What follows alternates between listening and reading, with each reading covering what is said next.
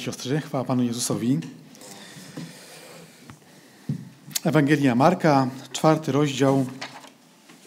Kontynuujemy dzisiaj ten fragment. Zacznijmy tam zerknąć, przeczytać e, na, na planszy, na ekranie. Będziemy mogli śledzić ten czwarty rozdział z tłumaczenia Biblii Warszawskiej. A ja tymczasem będę czytał z przekładu toruńskiego. Marka, czwarty rozdział od pierwszego wersetu.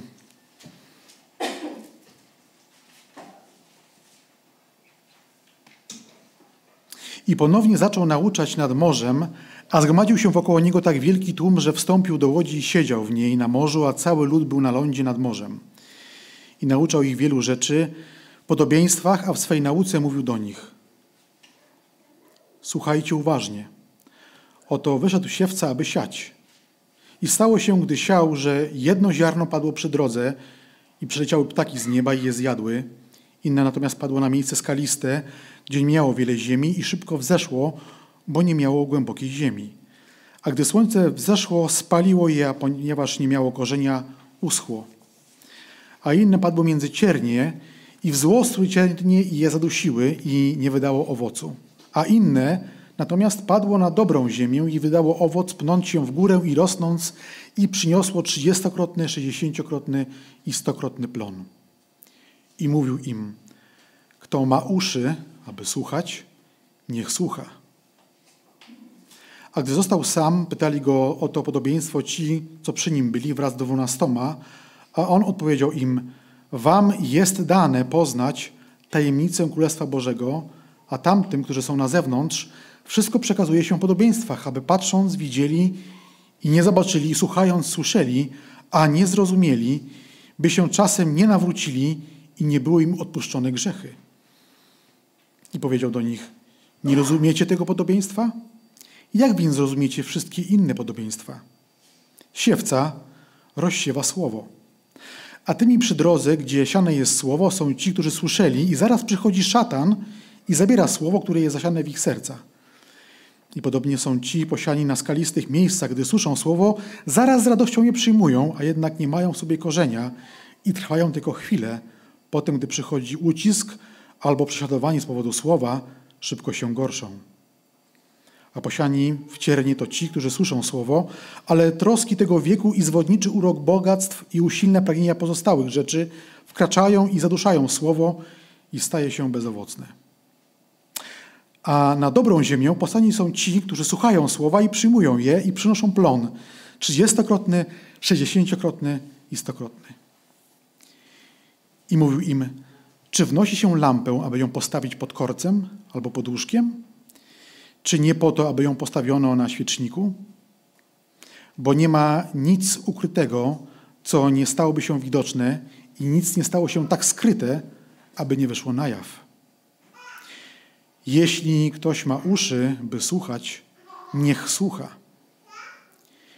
I powiedział do nich: Zwracajcie uwagę na to, czego słuchacie. Jaką miarą mierzycie, taką wam będzie odmierzone i zostanie wam dodane, wam, którzy słuchacie. Bo ktokolwiek ma, będzie mu dane, a temu, kto nie ma i to, co ma, zostanie mu zabrane. I mówił: Takie jest Królestwo Boże. Jest jak ziarno, które człowiek wrzuciłby w ziemię i czy by spał, czy wstawał we dnie i w nocy, nasienie będzie kiełkowało i rosło, a on sam nie wie jak. Bo ziemia sama z siebie plon wydaje, najpierw źdźbło, potem kłos, potem pełne ziarno w kłosie. A gdy wyda plon, zaraz zapuszcza się sierp, gdyż nadeszło żniwo. I mówił, do czego przyrównamy Królestwo Boga? Lub jakim podobieństwem je przybliżymy? Jest jak ziarno gorczycy, które gdy jest zasiewane w ziemię, jest najmniejsze od wszystkich nasion na ziemi. I gdy zostaje zasiane, wzrasta i staje się większy nad wszystkie jarzyny i wypuszcza wielkie gałęzie, tak że w jego cieniu ptaki z nieba mogą się gnieździć.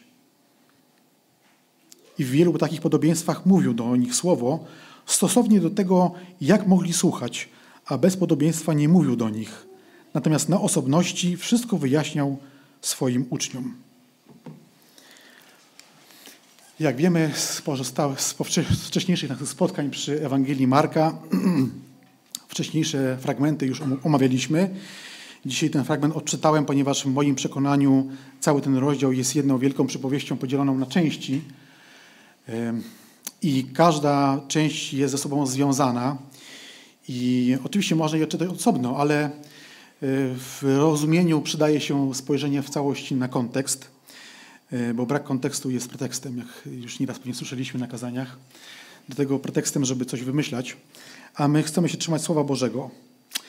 E, jak pewnie zwróciliście uwagę, werset 27, a w zasadzie fragment tego wersetu, jest takim szczególnym fragmentem, który użyłem dzisiaj do tytułu tego kazania.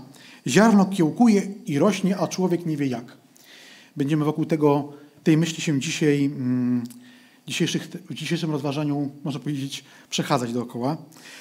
I w dalszym rozważaniu y, pomogą mi takie trzy pytania. Te trzy pytania są osobiste i ja w swoim sercu muszę je rozważyć i no, nie da się podać recepty gotowej, takiej ogólnej. One są do rozważania w moim sercu, ale podam je, żebyśmy mogli e, też się nad nimi zastanawiać. Jak moje serce może stać się albo stawać się, jak moje serce może stawać się dobrą glebą? Czy stale wzrastam w dojrzałości duchowej? Czy jest to stały wzrost? Czy ta roślina się gdzieś zatrzymała? Jak wzrastać w dojrzałości duchowej? Y, czy możemy coś w tym kierunku zrobić? Zbawienie jest darem od Boga i darem tym jest, jestem obdarzony, jestem obejmowany tym darem poprzez moją wiarę w moc krwi Chrystusa. To znaczy, że obejmowany jestem tym darem zbawienia, które mam w moc krwi Chrystusa, poprzez to, że całkowicie zaufałem Panu Jezusowi.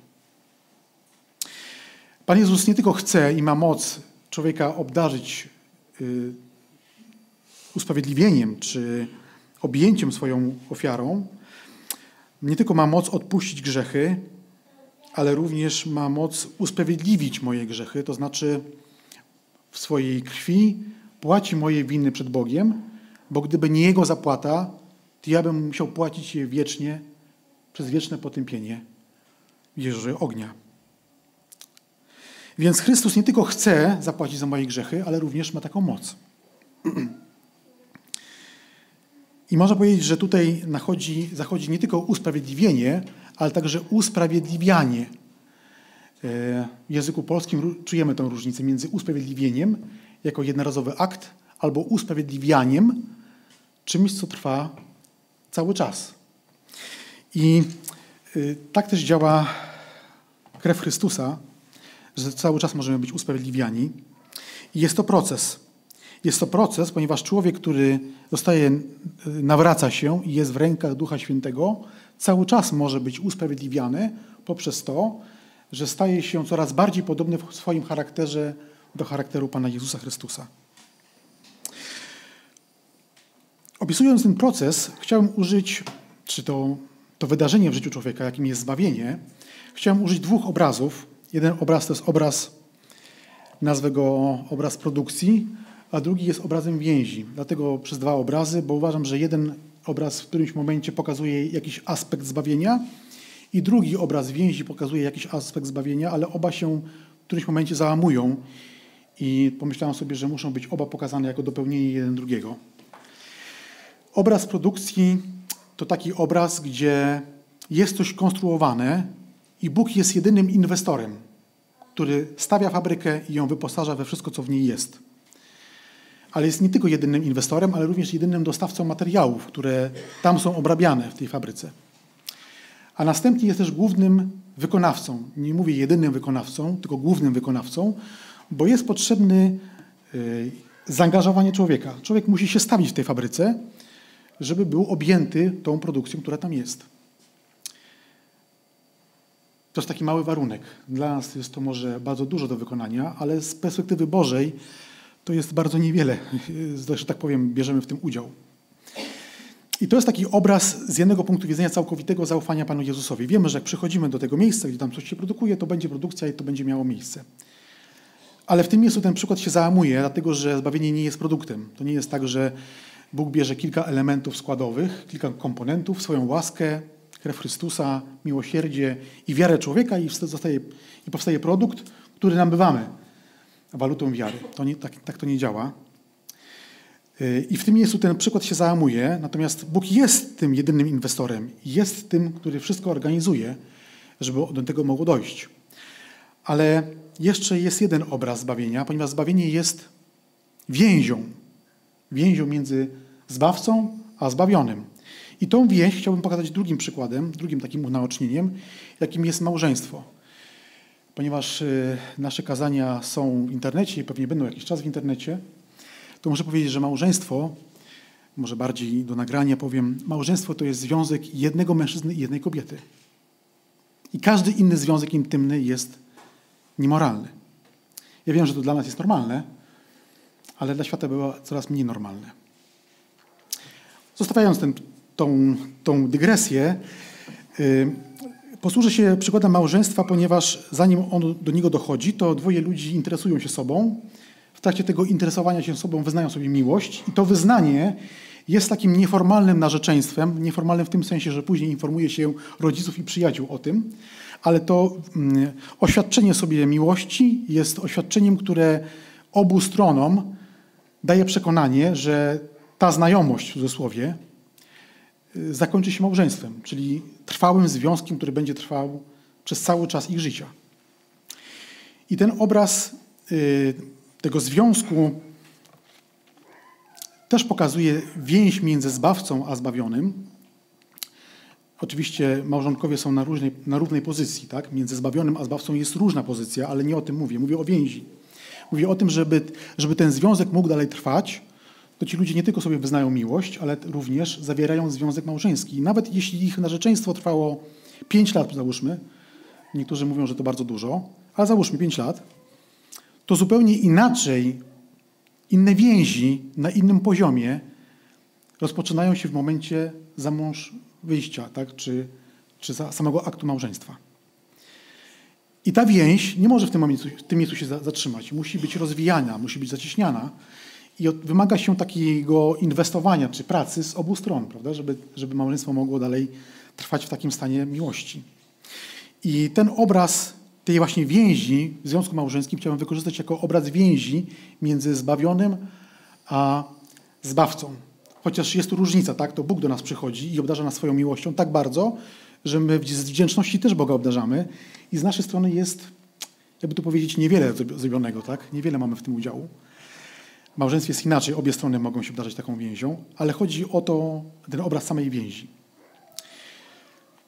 Więc z jednej strony Bóg wszystkie komponenty y, organizuje i je sponsoruje, czy inwestuje, i z drugiej strony Bóg jest inicjatorem tej więzi, w której my mamy możliwość być udziałowcem, czy brać w niej również udział.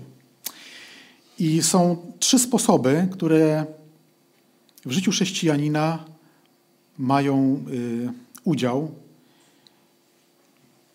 trzy sposoby, które zaczynają się w momencie zbawienia, w momencie nawrócenia, w momencie nowozrodzenia i później trwają już cały, cały czas. Pierwszym jest modlitwa, no bo od tego jest wyznanie Bogu swoich grzechów i nawrócenie. Nawet jeśli ktoś nigdy nie był religijny i nie wie, jak się modlić, i ktoś mu w tym pomaga, to i tak później modli się do Boga już własnymi słowami. I ta modlitwa z biegiem czasu zupełnie inaczej wygląda jak ta pierwsza modlitwa, czy druga, czy trzecia. Po roku czasu, czy po pięciu latach ona wygląda inaczej niż ta pierwsza.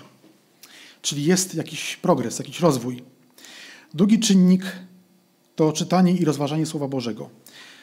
Dlatego wspomniałem o tym, żeby, że czytanie i rozważania, bo nie chodzi tylko o to, żeby przelecić wzrokiem po zdaniach, które tworzą jakieś myśli, ale jeśli coś mnie zatrzymuje, to Bóg wyposażył mnie w rozum po to, żebym się mógł tym zatrzymać i rozważyć, jak ten kontekst, jak kontekst cały wskazuje na ten fragment, dlaczego akurat to zdanie, czy werset, czy fragment mnie dotknął. Być może Bóg chce mi coś przez to pokazać. To jest rozważanie. Więc modlitwa, czytanie i rozważanie Słowa Bożego. Modlitwa to otwarcie naszego serca do Boga, A czytanie i rozważanie Słowa Bożego to otwarcie serca Bożego do nas, czyli jest więź, jest relacja. I trzeci element uważam, że jest też konieczny, jeśli nawrócenie i zrodzenie z Ducha Świętego miało miejsce i modlitwa i czytanie Słowa Bożego ma miejsce, to ten trzeci element też będzie miał miejsce. Otóż chodzi mi o osobiste doświadczanie udziału Ducha Świętego w życiu chrześcijanina, w moim życiu. Między modlitwą a czytaniem Słowa Bożego będzie jakaś korelacja. Będę o coś prosił Boga, na przykład o poznanie Jego woli w jakiejś sprawie i może to się stać podczas modlitwy, gdzie Bogu przedstawiam te swoje jakieś pomysły, a Bóg przez Ducha Świętego w jakiś inny sposób pokazuje mi wyjście z sytuacji, albo przez Słowo y, w Piśmie Świętym, albo w rozmowie z wierzącym, albo nawet w rozmowie z niewierzącym. Jeśli jestem otwarty na prowadzenie Ducha Świętego, to Duch Boży wyraźnie pokaże, mm, wcześniej czy później wyraźnie pokaże, jaka jest wola Boża w danej sprawie. Zatem jesteśmy związani z Bogiem więzią, którą On organizuje i On y, napędza swoim duchem do tego, żeby trwała. Z naszej strony musimy przed Bogiem otwierać serce, żeby ta więź była możliwa. Więź z Chrystusem rozpoczyna się od zaufania Panu Jezusowi. Nie mamy z nikim więzi, albo są one jakieś chłodne, jeśli to w ogóle można nazwać więzią, jeśli komuś nie ufamy, tak? To wtedy jest to bardziej interes, czy taka luźna znajomość, bo obawiamy się, że, że ta znajomość może nam być na, no nie może być, może być niepozytywna, więc wtedy trudno to nazwać więzią. Ale więź z Chrystusem jest oparta na całkowitym zaufaniu i to jest początek. Ten początek też chcę pokazać pewnym obrazem, pewnym obrazem spotkania. Y, umawiającym nas na spotkanie z Panem Jezusem jest Duch Święty, chociaż ono następuje w momencie nawrócenia, ale chodzi mi, żebyśmy wyszli poza sam ten moment nawrócenia. Na spotkanie z Panem Jezusem umawia nas Duch Święty i tym obrazem może być to, że y, wchodzimy na, na posesję przez bramę, jeszcze przed nami jest kawał drogi do przejścia, bo gdzieś w środku tej posesji jest budynek, w którym mamy spotkanie z naszym Zbawicielem. I kiedy ktoś przechodzi przez tą bramę, czyli nawraca się i zaraz za, niej, zaraz za nią się zatrzymuje i brama się zatrzaskuje za jego plecami, no to do spotkania może, może nigdy nie dojść. Każdy będzie szedł swoim tempem, może ktoś wybierze inną alejkę, ale wszystkie one prowadzą, jeśli prowadzą, jeśli to jest nawrócenie, to prowadzą do spotkania z Panem Jezusem. I ten obraz pokazuje, że musi być pewien progres w, tej więzi, musi ona się zacieśniać, bo czym bliżej jestem tego spotkania, tym ta więź jest bliższa. A ta droga symbolizuje no w tym obrazie to, że mój charakter poprzez otwartość mojego serca przez Ducha Świętego jest coraz bardziej podobny do charakteru Pana Jezusa. Nie chodzi o to, że Bóg chce sobie zrobić klony, klony z nas yy, na wzór Pana Jezusa, ale chodzi o, tym, że, chodzi o to, że musimy mieć pewne usposobienie, żeby pasować do rodziny Bożej. A samo nawrócenie się to dopiero początek tej, tego dopasowywania do rodziny Bożej. Jest to proces, który musi trwać ciągle, aż do dnia, dnia dopełnienia czy spełnienia. I już nie będę żadnych obrazów pokazywał, żeby, żeby opisać ten, ten dzień spotkania czy dopełnienia, tylko posłużę się dwoma fragmentami ze Słowa Bożego. To są pojedyncze zdania, więc posłuchajcie, nie musicie odszukiwać w własnych Bibliach, na pewno sobie skojarzycie te fragmenty. Jedno, jedno zdanie zapisał Jan, a drugie dwa zdania zapisał apostoł Paweł. I opisuje to tak, ten dzień dopełnienia. Jeszcze nie zostało ukazane, kim będziemy, lecz wiemy, że gdy On się ukaże, będziemy do Niego podobni. Czyli jest to przemiana, przeobrażenie człowieka na wzór, całkowicie na wzór, jakim jest Pan Jezus Chrystus. I końcowy stan przemiany charakteru, osobowość Pana Jezusa, apostoł Paweł nazywa uwielbieniem albo chwałą. Posłuchajmy takich dwóch zdań. Nasza bowiem Ojczyzna jest w niebiosach, skąd też Zbawcy oczekujemy, Pana Jezusa Chrystusa, który przekształci ciało naszego poniżenia w postać podobną ciału Jego chwały. Tak więc w tym domu spotkania na posesji Bożej jest przemianę, przemianę chwały, przemianę tego upadłego ciała, w którym mamy jeszcze pierwiastek grzechu, w tym sensie, że mamy w sobie coś, co pobudza nas do grzechu, inaczej pokusa, mam to na myśli, czego w Panu Jezusie nie było. Wszystkie pokusy, które Pan Jezus przychodził, były z zewnątrz, a nie z, niego, nie, nie z Jego wnętrza. Z nami jest zupełnie inaczej. I idąc do Pana Jezusa tym, na tym spotkaniu, spotykamy się z Chrystusem w momencie, w którym nasze ciała też będą bez takiego elementu. Podsumowując to, co tutaj jeszcze wspomniałem do tej pory, zbawienie jest procesem z trzech części. Początkowe zbawienie to wtedy, kiedy ktoś się nawraca i jest usprawiedliwiony ze swoich grzechów i nie musi za nie zapłacić w dniu sądu wiecznym potępieniem. Progres to drugi krok. Progres, który postępuje poprzez zbawianie, czyli upodobnianie się do Pana Jezusa i podczas którego jest każdy z nas, kto się nowo narodził. I ostatecznie zbawienie, kiedy istota człowieka zostanie przemieniona na wzór Pana Jezusa bez żadnego pierwiastka grzechu czy obecności grzechu. Zobaczmy, jak to opisuje Słowo Boże. Ja tutaj parę minut już Wam zająłem, ale Słowo Boże to robi dużo zgrabniej w kilku zdaniach. Otwórzmy list do Rzymian.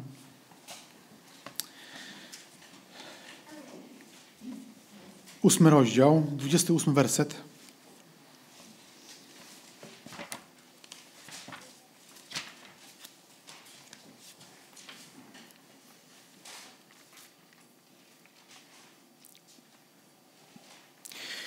Ósmy rozdział Rzymian, 28 werset.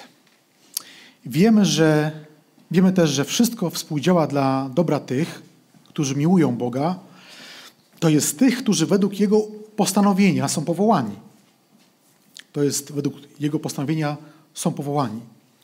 Bo tych, których wcześniej poznał, przeznaczył, by posiedli kształt odpowiadający obrazowi Jego Syna by posiedli kształt odpowiadający obrazowi Jego Syna, aby On był pierworodnym wśród wielu braci, a których przeznaczył, tych też powołał, a których powołał, tych też usprawiedliwił, a których usprawiedliwił, tych też uwielbił. Więc można powiedzieć, że apostoł Paweł opisuje pokrótce całą drogę chrześcijanina od momentu nawrócenia poprzez y, usprawiedliwianie do momentu uwielbienia, spotkania z Panem Jezusem. Kiedy, teraz połączymy te, te nasze rozważania, e, to co do tej pory już e, powiedziałem z tym fragmentem z e, Ewangelii Marka, mam na myśli dokładnie 26 werset do 29, ja je przypomnę. Marka 4, 26-29. I mówił, takie jest Królestwo Boże. Jest jak ziarno, które człowiek wrzuciłby w ziemię i czy by spał, czy wstawał we dnie, czy w nocy, Nasienie będzie kiełkowało i rosło, a on sam nie wie jak, bo ziemia sama z siebie wydaje plon. Najpierw źdźbło, potem kłos, potem pełno, pełne ziarno w kłosie, a gdy wyda plon, zaraz zapusza się sierp, gdy nadeszło żniwo. I rozważając e, różne przypowieści Pana Jezusa, e, na przestrzeni wieków Kościół różnie do tego podchodził i różni komentatorzy różnie do tego podchodzili.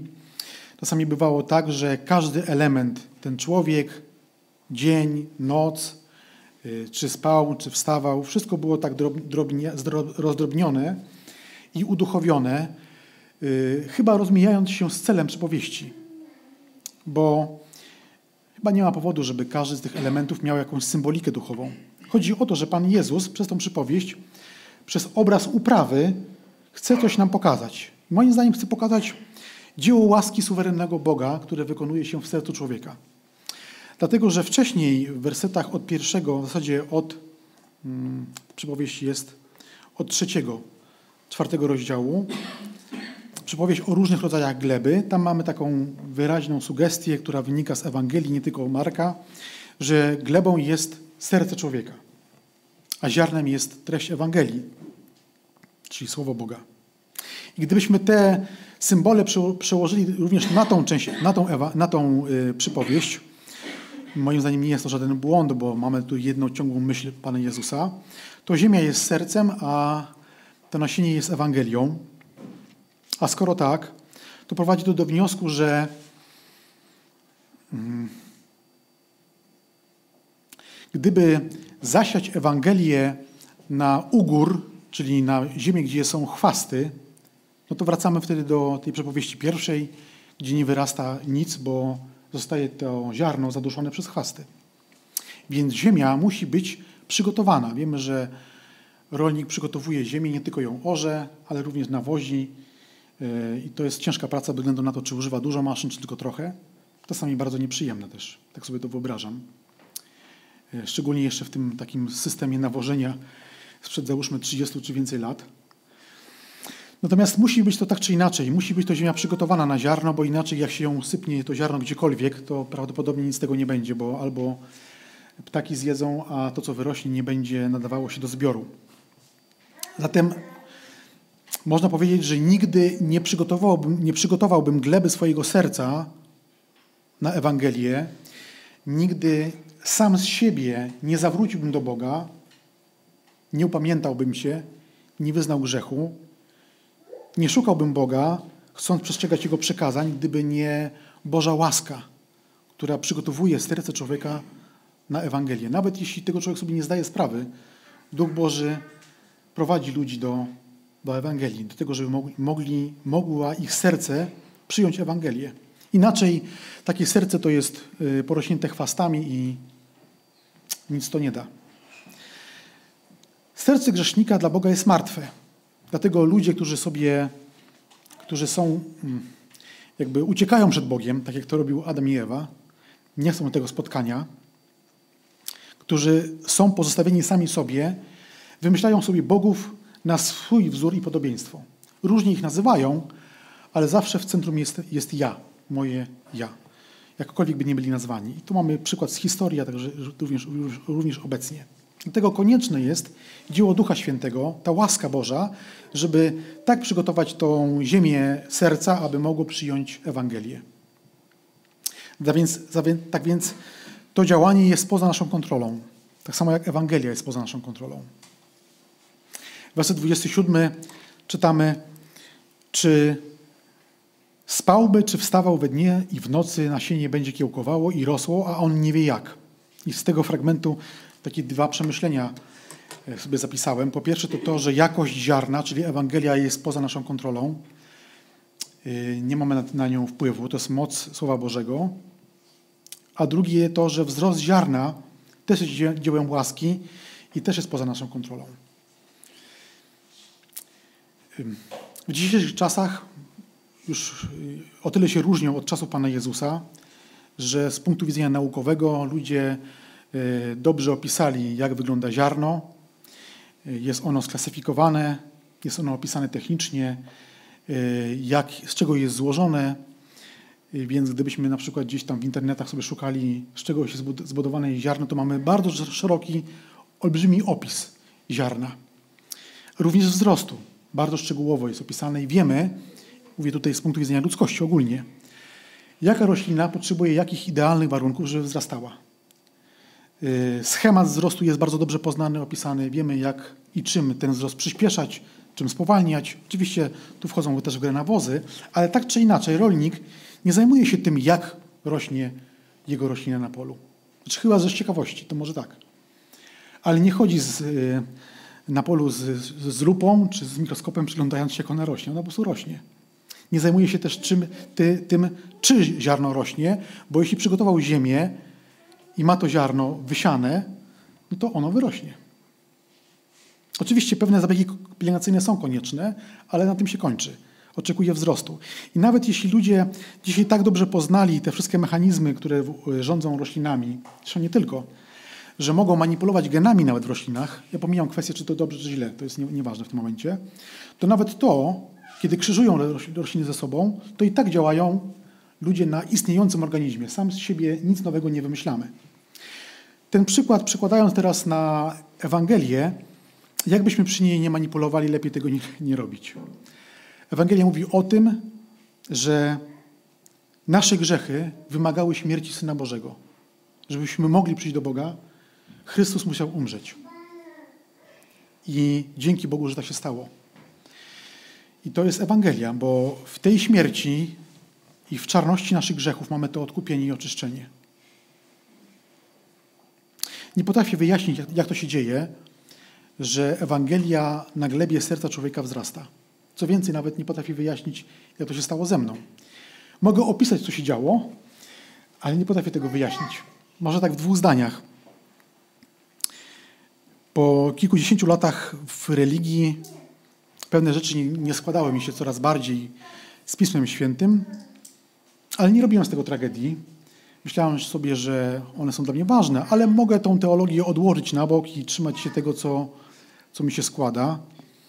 W pewnym, po pewnym czasie to na tyle mi przeszkadzało, że zrezygnowałem z różnych służb i pomyślałem sobie, będę takim szarym wierzącym, gdzieś w kąciku sobie siedzącym, oczekującym Armagedonu i raju Bożego na ziemi, bo tak sobie myślałem. To nic, że religia gdzieś pędzi, ja nie będę pędził, ja będę oczekiwał na ingerencję Boga. Wcale nie chciałem spotkać się z Panem Jezusem.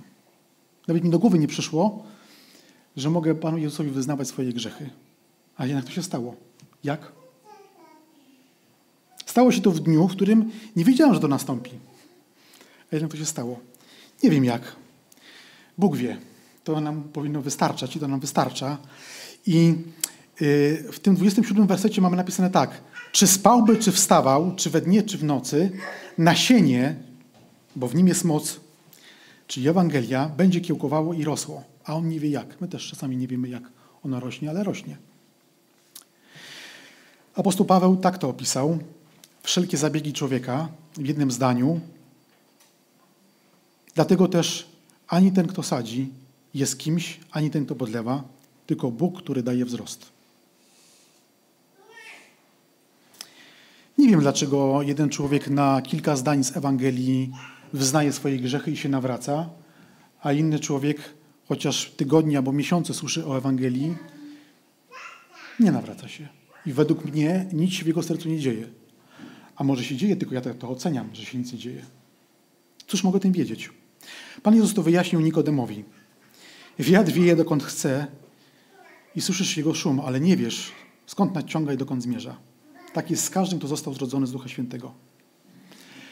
E, co możemy powiedzieć na temat tego, w jaki sposób ziarno Ewangelii wzrasta w sercu człowieka? Niewiele możemy tylko powiedzieć na temat tego, czy są tego jakieś zewnętrzne przejawy. A one mogą się nie pokazać bardzo długo. Tak samo jak roślinka, zanim się przybije z ziemi, ona już tam rośnie, ale nie widać, że ona tam jest. Z tego wynika te wszystkie, wszystkie trzy wersety, ja może tak zacytuję jeden po drugim. Czy spałby, czy wstawał we dnie i w nocy, nasienie będzie kiełkowało i rosło, a on nie wie jak. Dlatego, ten, dlatego ani ten, kto sadzi, nie jest kimś, ani ten, kto podlewa, tylko Bóg, który daje wzrost. No i ta wypowiedź Pana Jezusa, że wiatr, Duch Święty podejmuje działania, jakie chce, a my nie wiemy jakie. To wszystko powoduje, że przed wspaniałością Bożą padamy na kolana i mówimy, Panie, dzięki Ci za to, że tak to jest. Że nie mam na to żadnego wpływu. Moim zadaniem jest siać, a reszta jest w rękach Boga. Chcielibyśmy bardzo często jakiegoś końcowego powodzenia z naszej pracy. Jako ludzie chcielibyśmy mieć y, z naszej pracy jakiś sukces. Chociaż, chociaż w życiu chrześcijanina, mówiąc o powodzeniu i sukcesie, to bardzo często, przynajmniej mi się to jakoś nie, nie łączy, chociaż można o tym mówić. No bo gdyby tak popatrzeć na służbę i wypełnienie woli Bożej z perspektywy Pana Jezusa, to czym było dla Niego, co było dla Niego sukcesem? Krzyż. Odrzucony i wzgadzony przez ludzi, opuszczony przez Boga, sukcesem było to, że pokonał śmierć, świat ciemności. Yy, z Bożego punktu widzenia sukces bardzo różnie wygląda. Z Bożego z punktu widzenia było, sukcesem było to, że po wielu latach przygotowań Jim Elliot w kilku tygodniach swojego pobytu w Ekwadorze został zamordowany z innymi misjonarzami. A dzieła dokończyły żony tych misjonarzy. Ktoś mógł mówić, no to młody człowiek poświęcił całe swoje życie, naprawdę bardzo dużo w to włożył energii i pracy i w zasadzie nic mu się nie udało. Czy rzeczywiście ci ludzie się nawrócili? Nie pojmujemy dzieła Bożego, możemy tylko i wyłącznie na kolanach Bogu dziękować, że ono, że ono, że ono jest przez Niego yy, wzrasta, że ono przez Niego jest rozwijane. Pan Jezus zniszczył grzech i w tym zniszczeniu możemy swoje grzechy Mu powierzać. 28 werset czwartego rozdziału Ewangelii Marka. Bo ziemia sama z siebie wydaje plon. Jeśli połączymy to z 27, to wiemy, że nasienie będzie kiełkowało i rosło w tej ziemi, która sama z siebie wydaje plon. dokończę to zdanie.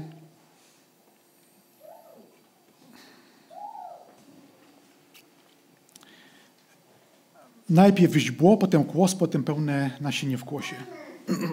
Jak wspomniałem, tu jest kolejna lekcja, jak dla mnie, łaski dzieła Bożego. Też nie mamy w tym udziału, można powiedzieć. I ludzkość, jak wspomniałem wcześniej, też poznała bardzo dobrze proces wzrostu nasionka. Jest ono bardzo szczegółowo i szeroko opisane, jak z tego nasionka robi się kiełek, z kiełka jakaś kępka, z kępki trawka, później z krawki kłos, a później w kłosie pełne ziarno. Ja tak to tylko w skrócie opisałem, ale gdybyśmy mieli się tym zajmować, to są y, strony agrotechniczne, które to bardzo dokładnie opisują. Ale to też tylko i wyłącznie praca na istniejącym organizmie. Y, I my też możemy bardzo technicznie opisać Ewangelię i ją tak przedstawić. Natomiast jak ona wzrasta, to jest dzieło Boże. Pismo Święte opisuje wzrost w Chrystusie y, tak jak, tak jak to zboże. Od kiełka musi najpierw być ziarno rzucone, a później musi być kiełek taki mały, który ma kawałek zielonego i kawałek ogonka, którym jest, którym jest korzonek. I nie da się tak zrobić, żeby ta roślinka przeskoczyła z tego kiełka od razu do dorosłej rośliny. Musi być etap y, wzrastania jeden po drugim. Podobnie można powiedzieć, że musi być taki etap od kiełka, od tego dziecka Bożego, od tego y, niemowlęcia Bożego do dorosłości duchowej. Też etap jeden po drugim, nie da się go przeskakiwać. Oczywiście jedna roślinka rośnie trochę szybciej, druga trochę wolniej. Podobnie jest też w Kościele Jezusa Chrystusa. Ale celem jest dojrzałość. I chciałem tutaj zwrócić uwagę na dwa fragmenty ze Słowa Bożego. Jeden z listu do, do Koryntian, a drugi z listu ucznia Jakuba. Koryntian, pierwszy Koryntian, trzeci rozdział.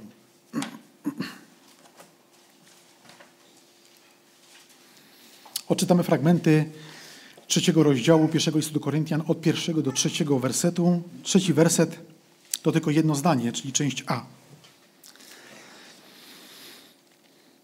Paweł pisze, a ja, bracia, nie mogę do was mówić jak do duchowych, ale jako do cielesnych, do niemowląt, czyli kiełków takich małych w Chrystusie.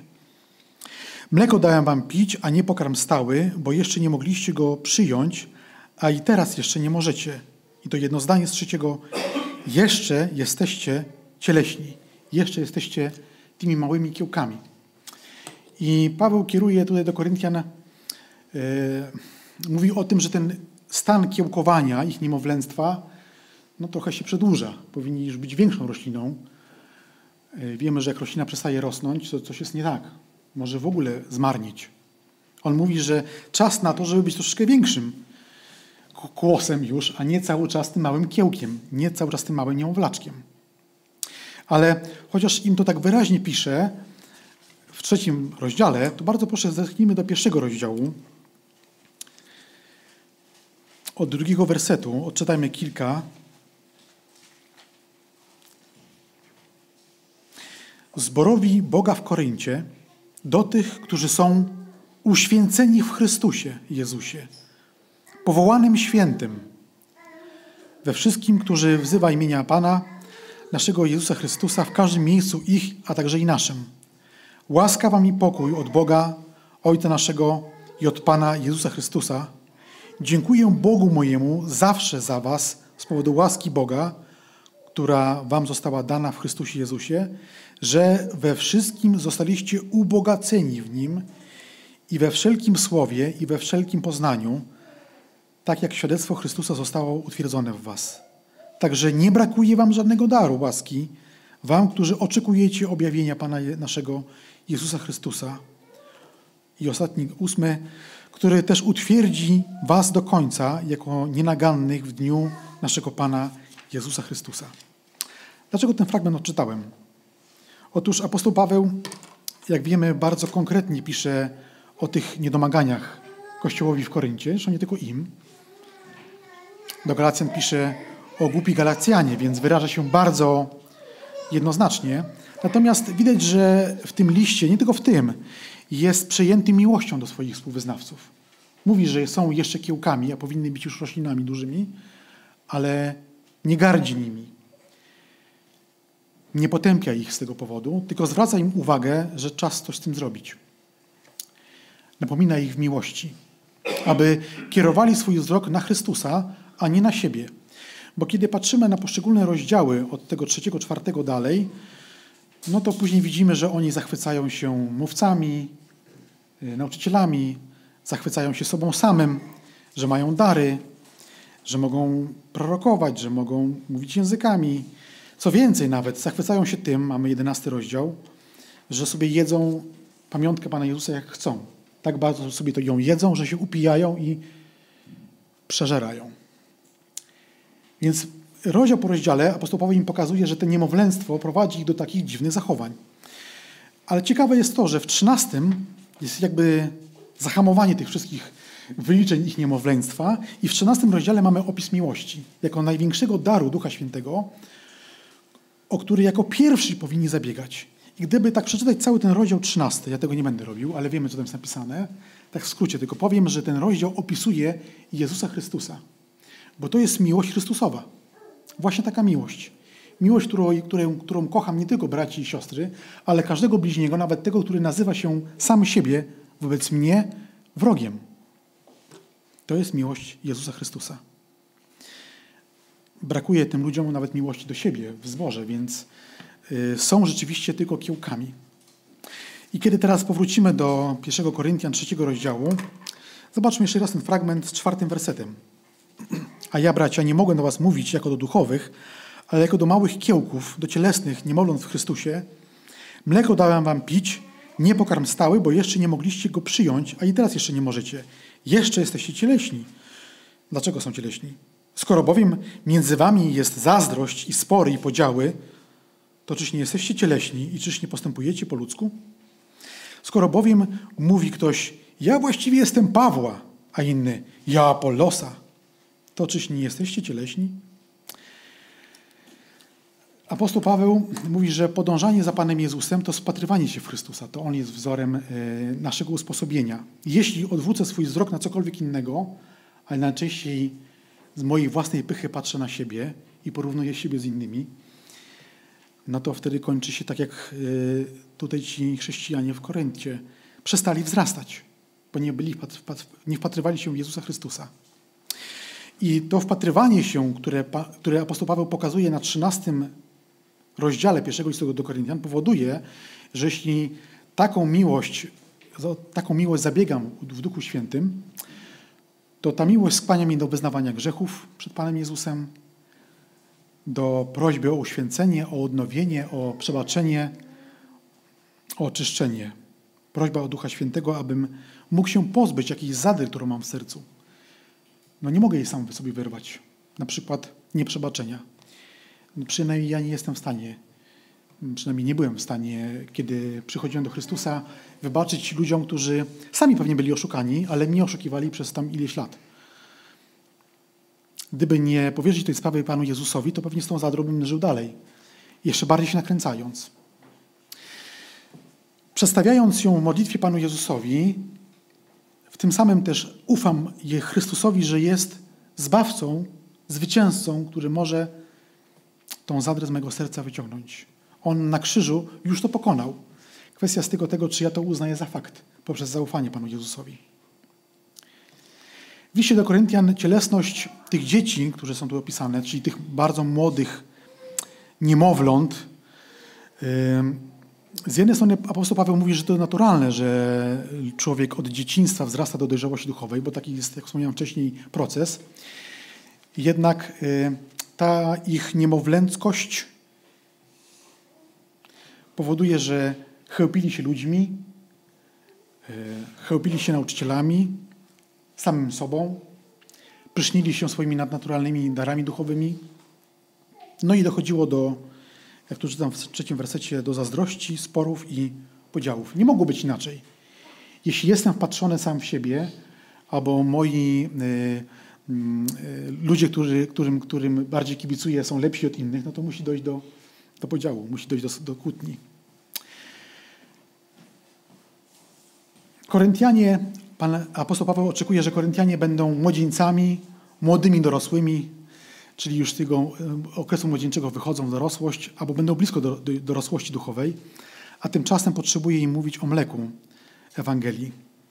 I jedną z cech niemowlęcia jest to, mówię o takim niemowlaczku, jest to, e, możemy zapytać się rodziców, są w naszym zborze, jest to, że ono oczekuje, czy potrzebuje całodobowej opieki rodziców. Nawet kiedy śpi, to rodzice i tak przychodzą i do niego zaglądają.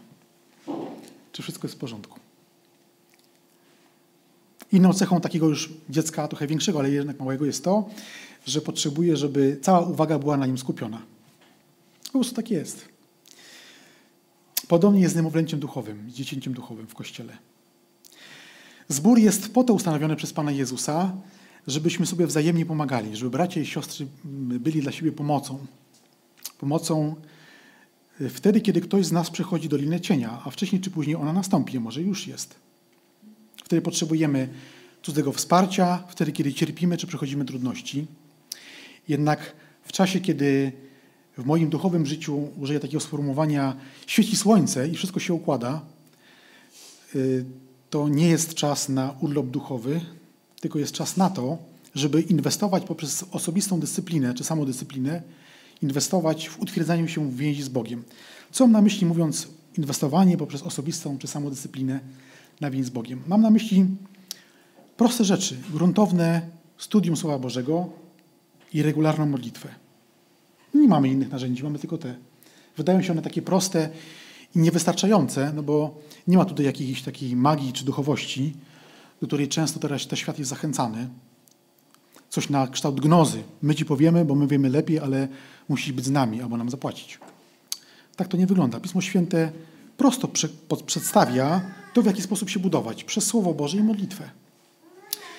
I wtedy Duch Święty może wchodzić w nasze życie, w nasze serce i powodować, że wzrastam z dziecięcia do młodzieńca, do młodego dorosłego. A kiedy przyjdzie dolina cienia, wtedy prawdopodobnie nie będzie czasu na to, żeby wzrastać duchowo. Czy roślina może rosnąć w zimę? Może jakieś są, nie znam wszystkich roślin. Ale z reguły wtedy wegetacja się zatrzymuje i czeka na, na to, żeby przyszły ciepłe dni. Taką zimą może być jakaś właśnie dolina cienia, jakieś cierpienie, jakieś trudności, które Bóg pozwala, aby przyszły w nasze życie. Może właśnie po to, żeby skłonić mnie do tego, żebym trwał w takiej modlitwie. Może właśnie po to, żeby mnie przeprowadzić przez swój tron. Bo w życiu chrześcijanina nie ma przypadków. Sama obecność na nabożeństwach, a jest ich 50 parę w roku, obecność na konferencjach, czy słuchanie kazań, spotkanie z wierzącymi, wspólne śpiewanie, wspólne wielbienie to jest ważne, ale to nie zastąpi mojego y, osobistego wysiłku we wzroście i przybliżaniu się do Boga. Jak mógłbym dowiedzieć się o moim stanie wzrostu duchowego w jakimś aspekcie? Na przykład, gdybym musiał się dowiedzieć ja, to zastanowiłbym się nad tym, czy zdarza mi się tydzień po tygodniu, miesiąc po miesiącu, czy rok po roku może nawet, upadać w te same pokusy, w te same grzechy? Albo jak reaguję, kiedy moje zdanie ściera się z kimś innym. Oczywiście mogę założyć maskę i się dalej uśmiechać, ale co się dzieje wewnątrz? To też jest ważne, może nawet ważniejsze. Co się dzieje w moim wnętrzu, gdy ktoś mówi mi o czymś i to dotyka mojej czułej struny i wiem, że yy, para już się we mnie buzuje. Tak jest. To jest naturalne dla każdego człowieka, dla każdego naturalnego człowieka, ale podążając za Chrystusem możemy to Bogu wyznawać i możemy z tymi rzeczami walczyć i to skutecznie. Cokolwiek zauważę w swoim usposobieniu, to jest powód do tego, żeby to Bogu wyznać w modlitwie. Ja na przykład zauważam w sobie, że niektóre rzeczy po tygodniach i miesiącach Bóg zostawia. Nie wiem dlaczego. Może właśnie po to, żebym regularnie to Bogu wyznawał.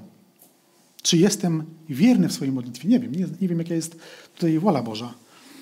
Ale może gdyby wszystko się układało tak pięknie, to może nie chciałbym się modlić. Nie wiem.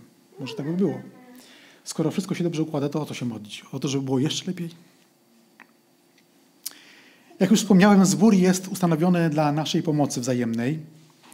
I w takich bardzo trudnych sytuacjach, gdzie trudności pokonują mnie, albo mam takie wrażenie, że tak jest, i uparcie trawią moją duszę, to w takich przypadkach mamy sugestie w liście Jakuba.